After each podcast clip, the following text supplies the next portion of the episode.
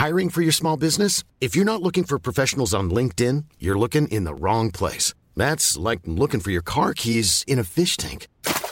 LinkedIn helps you hire professionals you can't find anywhere else, even those who aren't actively searching for a new job but might be open to the perfect role. In a given month, over 70% of LinkedIn users don't even visit other leading job sites. So start looking in the right place. With LinkedIn, you can hire professionals like a professional. Post your free job on linkedin.com slash people today.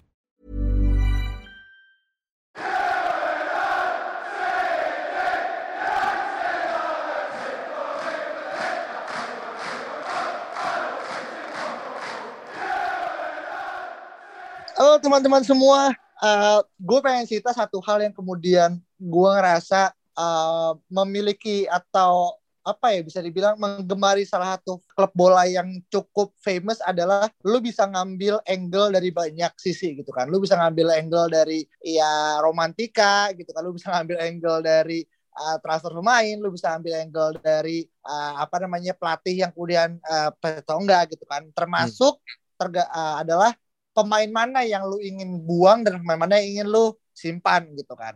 Nah, sekarang ini Twitter beberapa setiap I think setiap pekan lah pasti ada yang kemudian ngebuat polling di timeline Twitter gua terkait dengan who should be the number one goalkeeper at United gitu kan. Ya Henderson or De Gea gitu kan. Hmm, hmm. Dan kesempatan uh, malam hari ini kita akan bahas dari sudut pandang kita masing-masing sebenarnya di antara kedua kiper ini gitu kan. Yang mana menurut gua memiliki De Gea dan juga Henderson it's good. Karena itu memberikan kompetisi yang sehat. Tapi kalau menurut gue pribadi it's like you keeping two suns at the one earth gitu loh. Lu menyimpan dua matahari dalam satu untuk menjadi satu bumi yang kemudian lu nggak perlu untuk kemudian perlu dua matahari untuk kemudian me- me- membuat uh, sisi terang gitu kan. Dan Iya, juga yang mungkin jadi salah satu dead week-nya adalah masalah gaji gitu kan. Nanti kita bahas dan gue yakin Alvin sama Saung punya pan- cara pandang yang mungkin jauh lebih komprehensif. Tapi gue pengen mulai dari satu kata ketika memang ujungnya DG harus pindah seberapa sedih dan se- uh, momen apa yang lu akhirnya rindukan dari DG yang udah menemani pelajaran kita dari tahun 2013 sampai dengan saat ini? Bro Saung. Wow, aduh, De Gea tuh salah satu pemain favorit gue sih, bro. Oke Kayak di masa-masa kelam ini, Dark Ages sih, ya kan, setelah setelah uh, Ferguson pensiun, uh, gak ada pemain yang levelnya tuh sama kayak De Gea. At least sampai musim ini ya, sampai musim kemarin lah. Itu nggak ada, bro. Dia se- selama berapa musim ya? Dari tahun dari musim 2011 sampai 2020 dia menang 4 Player of the Year walaupun tanpa gelar yang signifikan gitu. Karena dia gelar terakhirnya dari tahun 2013 kan? Uh, gelar liganya gitu. Tapi dia bisa dia tuh menjaga Manchester United menjaga martabat dan kehormatan Manchester United selama tujuh tahun ya menurut gue dia statusnya udah legend sih gitu. Dan kehadiran Dean Henderson ini uh, adalah sebagai menurut gue ya itu kayak angin angin segar tapi lama-lama juga bisa jadi badai juga gitu bagi De Gea gitu. Kenapa? Karena uh, selama empat musim tiga musim terakhir nggak ada satu orang pun yang bisa menggoyahkan uh, posisi De Gea di Manchester United gitu. Walaupun ketika kayak dua musim terakhir dia punya penampilan yang buruk, pelatihnya pun kayak OKS pun saat itu nggak berani pasang Romero juga Hmm, hmm. untuk masang secara reguler gitu karena dia tahu kapabilitas Dika itu seperti apa kemampuan Dika itu seperti apa gitu dan nggak ada yang bisa Victor Valdes juga nggak bisa ya. nggak bisa Victor juga. Valdes. nggak bisa bro dia aduh Dika tuh benar-benar menjaga menjaga martabat kita men kalau misalnya eh, Jose Mourinho bilang apa achievement terbaik dia adalah menjaga apa membawa Manchester United di peringkat dua menurut gua dia harus berutang budi sama David De Gea sih men Oke. Hmm, dia menyelamatkan berapa poin bro how many point itu kalau misalnya ada satu match yang gue ingat banget dan gak akan bisa lupa itu lawan Arsenal di mana Oke. dia uh, apa namanya uh, ngasih dua save berturut-turut yang gila banget kalau nggak salah itu uh, dapat rekor juga satu pertandingan yang paling banyak save-nya ada 14 save atau Iya. berapa gitu Termasuk Iya, iya. saves dari ini ya sundulannya Lukaku ya. Sunan Lukaku juga Iya. itu Itu Eh, itu Itu Israel sih. disaster anjing. Iya. Israel- maksudnya itu konyol sih Itu sampai Oke. sampai sampai Arsenal fan TV tuh ngomel-ngomel ya. Ini ini curang ini Manchester United. Dia punya tiga kiper David, D sama Gea.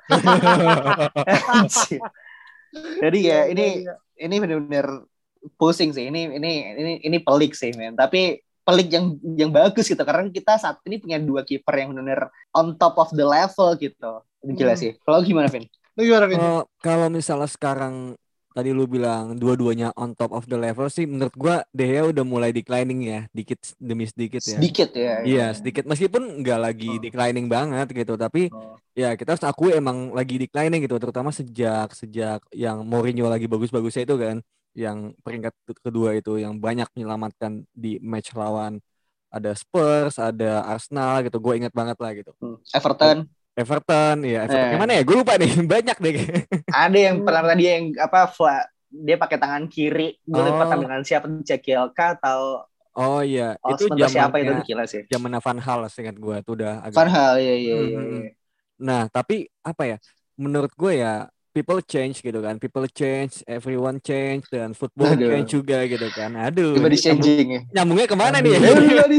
Waduh. Nah, Oke, salah topik, salah topik. Salah Tapi dia-. Tapi intinya adalah ya kita harus tetap move on gitu loh. Kita nggak bisa tetap di masa lalu yang kayak kita melihat oh De Gea dulu udah menyelamatkan gitu. Tapi ya sekarang kita bermain dengan realita gitu loh.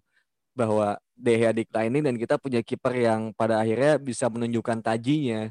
Dan sama kalau gua lihat gitu loh, Dean Henderson ini punya beberapa trait yang berbeda yang nggak dimiliki sama David De Gea. Itu menurut gua satu hal yang mungkin gitu sama bisa mengubah permainan MU ke depannya itu sih. Jadi tapi ta- tapi balik balik balik lagi sama pertanyaannya dia sih kalau misalnya kita mencoba ngebuka memori tentang De Gea sih jujur sama kayak Saung.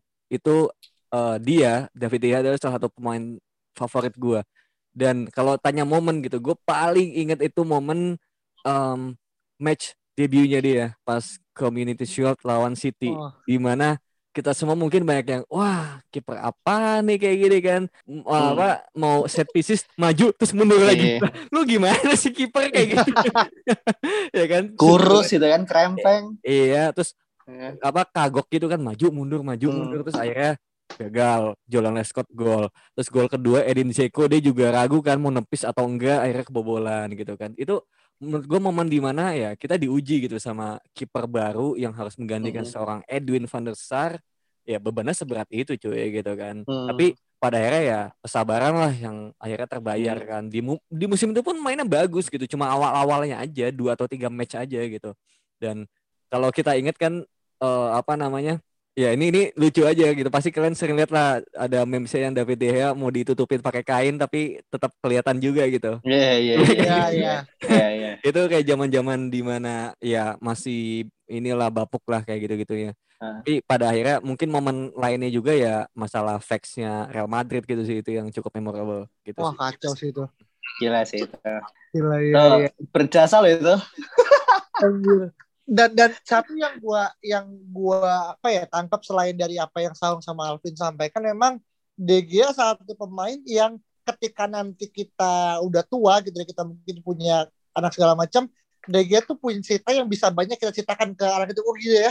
Kayak pas zaman uh, gua dulu tuh kayak ada satu pemain yang itu memang dari awal uh, eranya post post Fergie sampai dengan sekarang eranya Ole tuh dia tuh yang masih stabil. Ya maksudnya dalam artian tidak tergoyahkan gitu kan. Bahkan ada beberapa hal yang kemudian kayak pemain-pemain yang kemudian masih bertahan di tahun 2011 sampai dengan sekarang dia doang yang akhirnya masih ada gitu kan. Ada satu pada- lagi bro. Si- oh si- respect ini ya? Phil Jones. Jones bro. Oh respect shit, Phil Jones. Iya, yang ini ya yang mau dibuat ribut tapi dia nggak mau karena dianggap Eh, dia dia oke kasihan Oke, oke. kasihan sih gue sih. kasihan kasihan. Oke oke oke Iya. oke. Despite Phil Jones ya Hmm, menurut gua De Gea adalah pemain yang cukup banyak drama tapi cukup banyak uh, penyelamatan juga yang akhirnya dia buat sehingga kita kadang lupa dan kadang kayak tadi ketika dia harus cabut emosi fans MU itu ya campur aduk gitu. Ada yang senang gitu kan karena ya merit base means kayak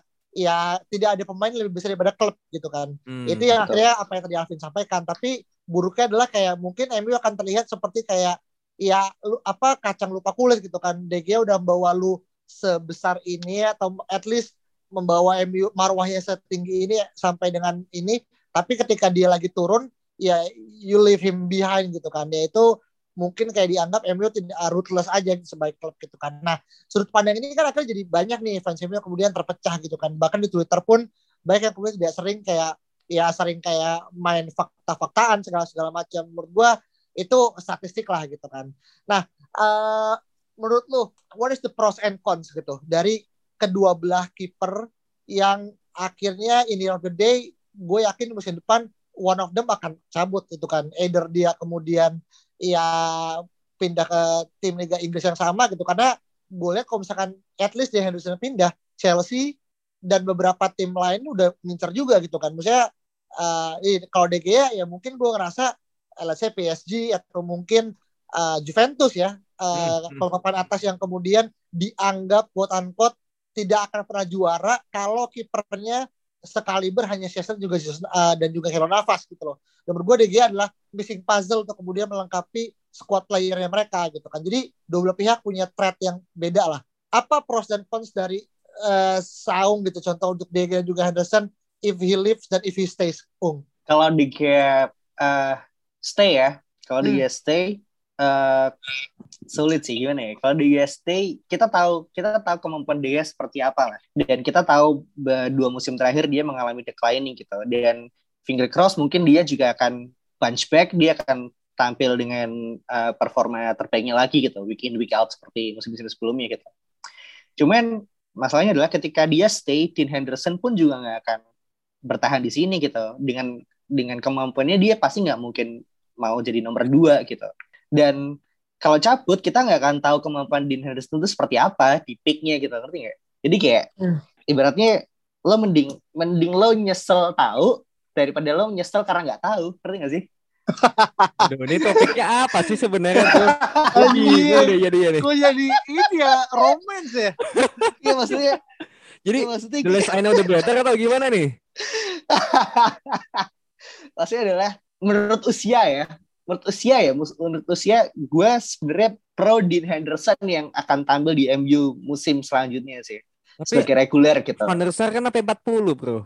Betul, betul memang betul sampai 40. Tapi uh, seperti yang lo bilang tadi men, Dean Henderson tuh membawa membawa uh, kayak permainan yang berbeda gitu. Dia sering keluar uh, apa areanya gitu. Dia berani uh, nonjok bola gitu. Dia berani. Ala Manuel Neuer ya dia. Ya? Iya, Lala Manuel Neuer gitu. Dan satu hal yang gue salut buat sama Dean Henderson adalah mentalitinya, men. Dia dia dari gue sempat lihat interview dia di usia tiga tahun tiga musim tiga tahun yang lalu gitu di usia dia 20 gitu dia bilang kayak uh, gue punya target realistis target usia dua dua dua tiga dua tiga lah gitu gue pengen jadi kiper nomor satunya Manchester United gitu dan eventually nomor satu di Inggris itu iya dan itu dia bilang ketika dia bilang seperti itu ya itu ketika David De Gea itu lagi gila-gilanya men. Hmm. Iya. lagi di lagi sinting-sintingnya gitu loh. Berarti itu di Henderson pas masih nonton ini ya Europa League pas Marcus Rashford golin itu ya.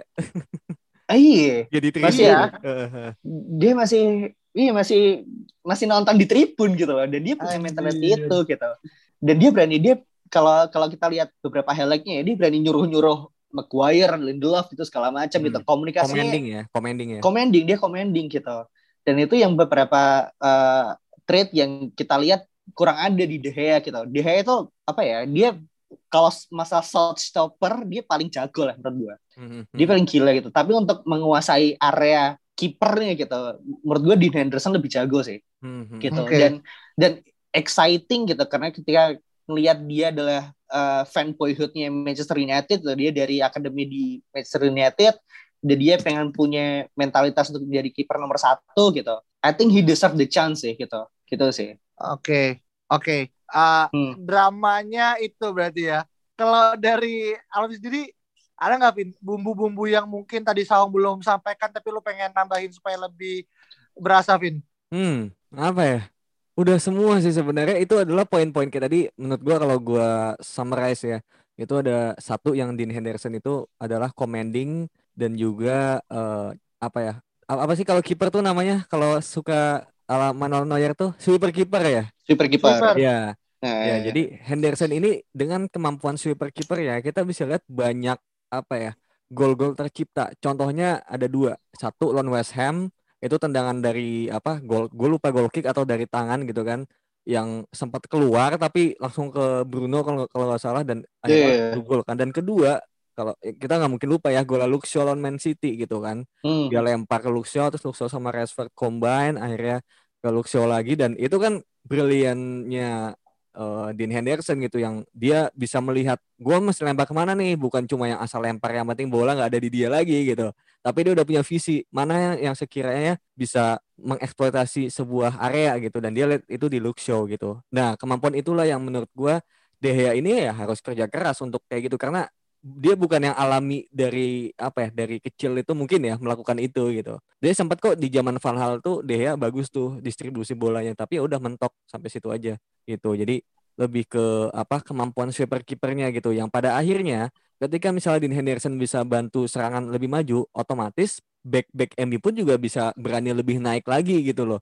Dan itulah yang membuat serangan MU seharusnya bisa lebih bagus lagi gitu karena ya dari kiper maju depan-depannya juga ikut maju makin nyerang gitu kan itu sih bro maksudnya kalau dari I gue see, I see. Yang mana sebenarnya yang gue tangkap ya keduanya punya unique selling propositionnya sendiri ya. Maksudnya not mention ke akhirnya mereka akhirnya dalam satu tipe tipe goalkeeper yang sama tapi keduanya menawarkan apa namanya eh, value yang berbeda. Hanya masalahnya adalah ya kadang kan kita hidup di dunia yang serba demanding ya. Beda kalau emang kita hidup di era-eranya Fergie di awal ya kita berani untuk nunggu sampai 5-6 tahun hingga kita hampir Fergie segala macam. Sekarang udah nggak bisa kayak gitu. Ya contoh yang Gea yang udah kita anggap sebagai hero 4-5 tahun ke belakang ketika dua musim terakhir dia declining ya ya mau nggak mau he's ruled out gitu loh. Ya karena memang fans MU nuntutnya cukup tinggi gitu kan. Nah itu yang akhirnya menurut gue cukup memberikan apa ya sumbangsi dilematis juga buat buat MU gitu kan. Dan di sini gue juga sembari baca-baca gitu kan terkait dengan apa namanya eh, apa De Gea dan juga Vers Henderson gitu. Yang mana sebenarnya at least dari dua eh, bacaan yang gue baca tadi juga beberapa menit ke belakang eh, yang gue tangkap ya simpulannya sebenarnya para jurnalis tuh lebih cenderung memilih Henderson untuk eh, stays ketimbang De Gea kayak gitu. ini yang nulis jurnalis Inggris atau jurnalis mana nih? Ini gue baca dari ini bisa bias nih Ah, nanti. Gua Mhm. Guardian uh, Guardian sama satu lagi The Sun. itu uh, no bukan dong. Ter Mhm. sama independen independen oh. Dulu UK juga kayak UK gitu. ha, ha, Ah, ah, kayak gitu. Tapi ini adalah kayak ya gue gak tahu ya apakah ada bias favoritism ya karena mereka jurnalis Inggris. Jadi kayak mereka support ini. Tapi uh, menurut gua untuk De Gea yang udah menampilkan 434 appearance sama MU eh, kadang memang situasinya kompleks karena yang tadi gue bilang ada satu poin yang belum kita bahas gitu kan itu masalah gaji gitu Hmm. Karena iya, kenapa? betul, betul. De Gea adalah kiper dengan gaji yang termahal di dunia gitu kan dia dapat 375 uh, pound sterling per pekan Di atas sementara di Pogba ya? Henderson di atas Pogba dia dia Pogba Pogba Paling mahal ya, 350. paling mahal. Iya. Hmm. Pogba kalau 325 350 ya gue lupa ya, tapi uh, DG yang paling utama 375 dan Henderson dapat 150 uh, setahu Hmm. gue. ya. Jadi dia untuk kiper sendiri MU menghabiskan 550 Hmm. uh, pound sterling per tiap minggu untuk dibayar kepada seorang goalkeeper yang notabene kita nggak bisa memainkan back secara dua paralel gitu ya. Ya Iya, moga iya. mereka bikin salah satu kan gitu kan. Nah ini ya akhirnya gue pengen tahu nih dari sekarang finansial gitu kan. Eh ada yang bilang kalau misalkan De Gea pindah itu membuka ruang untuk eh, MU bisa tra- membeli trans eh, membeli melakukan transfer main karena wage bill-nya menurun gitu kan. Yang mana itu nggak bisa terjadi kalau yang pindah adalah Henderson. Mungkin kita dapat uang, tapi in terms of wage bill-nya akan ternaik karena Gea adalah yang paling tinggi gitu kan. Menurut Hmm. pribadi nih, untuk MU ke depannya kita juga perlu regenerasi, kita juga perlu kemudian memikirkan financial stability apalagi di masa Covid sekarang. Apakah faktor gaji yang akan menjadi salah satu penentu kunci oleh akan memilih Anderson ketimbang De Gea, Bro? Hmm. Gua gua ada sebuah quote bagus sih, Bro. Apa tuh, Bro? Karena jadi eh, ada orang bijak yang pernah bilang kalau terkadang kita harus merelakan seseorang untuk pergi untuk membuka ruang seseorang yang baru lebih baik masuk ke hidup kita. Gitu, Bro. Jadi Ini Ini ini apa Ini- sih, Bro? ini pesan Ini sponsor bukan ya? ya? Ted Mosby ya nih. Waduh, waduh, waduh. Aduh, aduh. Aduh. Tapi tapi intinya adalah intinya adalah ya terkadang gitu ya, gak apa-apa gitu kalau pada akhirnya kita harus merelakan seorang David Gea ini untuk live gitu. Untuk yang tadi lu bilang lagi kesempatan gajinya itu slotnya bisa digunakan untuk mungkin dua atau tiga pemain baru yang bisa uh, apa menyegarkan di posisi-posisi yang lain gitu loh kayak gitu. Jadi buat gue di sini ya opportunity cost sih gitu. Kita ada dua kiper sama-sama bagus dengan gaji yang iya 150 ribu itu tinggi juga buat seorang Dean Henderson gitu. Dan kita harus memilih. Dan menurut gue ya kalau misalnya mau pergi ya it's time for David De Gea mumpung dia juga belum terlalu declining gitu. Masih banyak kok gue yakin yang mau gitu dan harganya juga gue yakin masih tinggi, masih 50 juta juga masih dapat gitu. Itu bisa duitnya dipakai buat beli Harry Kane mungkin atau Haaland, Sancho Aduh. gitu, Declan Rice mungkin gitu kan. Jadi Aduh, ya, ya. jadi uang dari slot gaji bisa buat main baru, penjualannya juga bisa untuk pemain baru dan juga untuk uh, his own goodness itu juga segi karir dia juga bisa ke tempat yang lebih uh, baik lagi gitu kan di Juventus hmm. atau di PSG gitu. Toh di sana mungkin chance untuk juara liga lebih gede ya kan gitu sih. Iya, iya, iya. iya sih betul. Okay. He he he deserve to win titles man for hmm. for a player of his capability ya. Yeah. Dan gue sempat baca beberapa hari yang lalu kayak De Gea tuh sebenarnya nggak masalah untuk kompetisi gitu musim depan gitu. Nggak masalah untuk uh, untuk uh, apa namanya kompetisi sama Dean Henderson. Cuman ya itu tadi masalahnya adalah gajinya gitu. Apabila sampai nanti akhir musim ini dia nggak ada kesepakatan, kalau misalnya pengen stay di Manchester United ya mau nggak mau mungkin dia harus turun gaji gitu. Hmm. Tapi apakah mungkin gitu? Dan apakah dia mau mau menjadi second fiddle gitu untuk Dean Henderson? Gue sih menurut gue sih enggak gitu. Jadi kayak I think it's time to move sih for David De Gea ya. Walaupun sih dengan berat hati kita pengen buat juara sama David De Gea mungkin hmm. musim ini gitu. hmm. Iya. Tapi oh. at least at least he, he, he needs to win something man. Maksudnya gelar-gelar terakhirnya cuma apa Liga Inggris gitu. Dia oke okay lah dia menang Europa League juga tapi kan sepanjang campaign itu Sergio Romero juga kan yang main gitu. hmm, iya itu sih I see hmm. iya iya iya karena iya ini waktu bilang layer untuk kemudian memilih antara DG atau Henderson ini tidak hanya sekedar memori dan juga emosional ini ya emosional uh, belongings antara fans dan juga pemain tapi juga terkait dengan financial issue gitu karena ya tentunya eh, kalau misalkan kita tahu juga barusan tadi sore uh, eh, gue baca terkait uh, eh, gue udah nonton videonya ada atletik terkait dengan persona apa apa apa uh, dep itu kan dep uh, dep issue gitu kan yang hmm. mana salah satu yang akhirnya mendasari kenapa akhirnya Barcelona bisa bengkak dengan utang adalah karena masalah gaji pemain dan Barcelona adalah uh, tim tim apa ya tim uh, paling besar untuk kemudian mendapat uh, apa uh, mengeluarkan gaji gitu kan ya gue nggak hmm. pengen MU itu terjebak dengan Betul. circle yang sama gitu kan. Yeah. Apalagi untuk hal yang sifatnya non bukan nggak bilang gue nggak bilang nggak esensial tapi ya kiper cuma satu kali. Lu bisa main satu kiper dalam satu match bro. Bukan hmm. kayak back bukan kayak midfielder kan. Jadi menurut gue sih ya emang bener saung gitu kan. Pilihan terburuknya adalah ya kalau mau dia turunin gaji. Yang itu gue nggak tahu ya.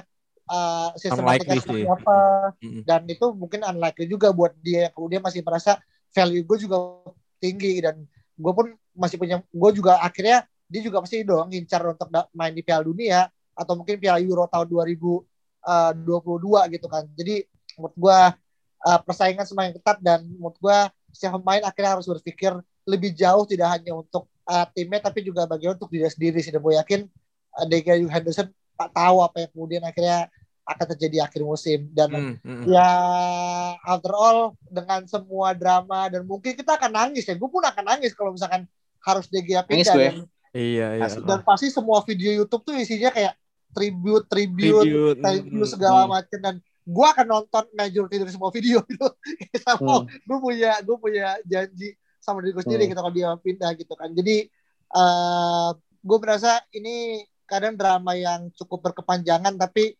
oleh harus make decision karena itulah uh, pentingnya ini ya apa pelatih hmm. sebagai seorang apa ya uh, ya nak nakoda lah gitu untuk sebuah hmm. tim yang kemudian ini gitu kan dan ya event itu akan buruk tapi after all ya akhirnya akan ini. Hmm. Nah terakhir nih gue pengen kita uh, apa namanya nyebut satu kiper antara Degan dan Henderson yang akan main di musim depan di tahun ketiga. Oke gak? Jadi Ah. uh, gue pengen ngetes langsung refleks aja siapa yang Let's go, let's go, let's go. kita bertiga gini untuk Yeah, kemudian yeah. apa namanya uh, di musim depan gitu ya. Gue tuh sampai tiga kita langsung teriak gitu ya. Oke ya. Hmm. Ya, ya. Satu, dua, tiga. Henderson. Henderson. Lee Grant.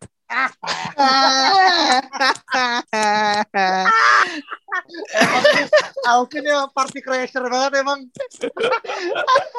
Satu, satu, satu lagi quote bro, satu lagi quote. Apa, Ini- apa, apa, apa, bagus apa? ya. Iya, apa iya. tuh? Apa tuh? Ada ada quote sama, sama sat- eh, dari orang bijak juga. Oke, oke orang Ya, Ted Mosby dia bukan bilang- Dia bilang gini, sometimes things have to fall apart to make way for better things, man. Ini sama aja yang gue bilang tadi, woi. Anjir. Anjir, anjir. Ini orang yang denger juga mungkin bingung juga ini bahas Henderson atau bahas yang lain Ya. Gak bisa kita kita emosional men bahas ini. Iya. Iya sih, iya sih. Iya, iya, iya. iya. Oke, anything else to add bro terkait dengan DG Henderson? Apa yang mungkin, ah kalau kenangan sama Henderson, gue juga bingung juga apa yang Belum kemudian ya. Eh, ini sih apa bisa ini. Tapi ini mungkin tadi gue lupa kalau tadi uh, siapa Saung sama Alvin bilang penyelamatan yang paling uh, baik adalah ketika uh, Arsenal ya dan gue nggak bisa gue tidak bisa mungkin itu the one of the best. Tapi kalau kalian ingat penyelamatan dari uh, Ben Yedder yang ketika ngelawan Sevilla di perempat uh, di semifinal Oh, uh, apa namanya Piala Eropa tuh paling fatal juga tuh kacau banget tuh depan Iya. muka terus dia langsung refleks satu tangan itu one of the craziest thing hmm. sih. Itu Yang kayak Liga gua, Champions deh. Liga kalau Champions nggak yang tuh, Mourinho. hmm, hmm. Eh Liga Champions itu ya? Iya, iya. Hmm, hmm, hmm. Betul. Kayak gitu. Iya, iya.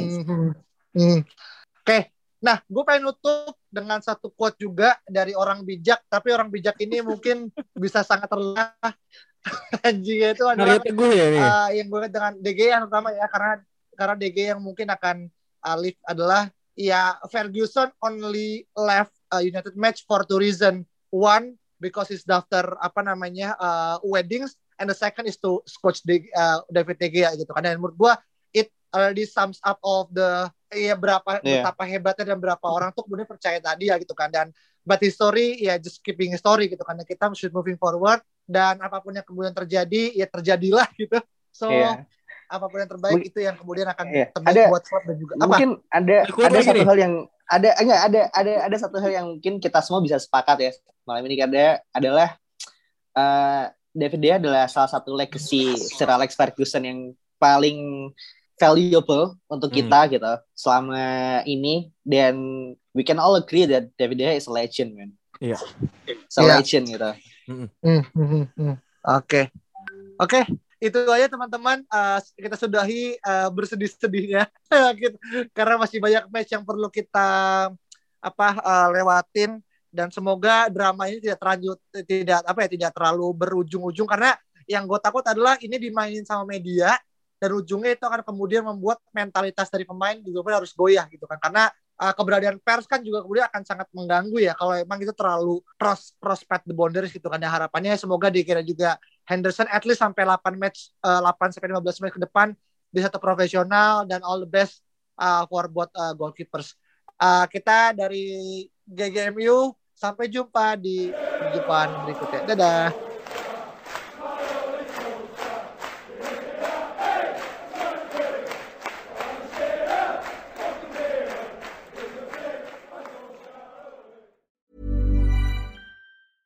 Mom deserves the best, and there's no better place to shop for Mother's Day than Whole Foods Market. They're your destination for unbeatable savings, from premium gifts to show-stopping flowers and irresistible desserts. Start by saving 33% with Prime on all body care and candles. Then get a 15-stem bunch of tulips for just $9.99 each with Prime. Round out Mom's menu with festive rosé, irresistible berry chantilly cake, and more special treats. Come celebrate Mother's Day at Whole Foods Market.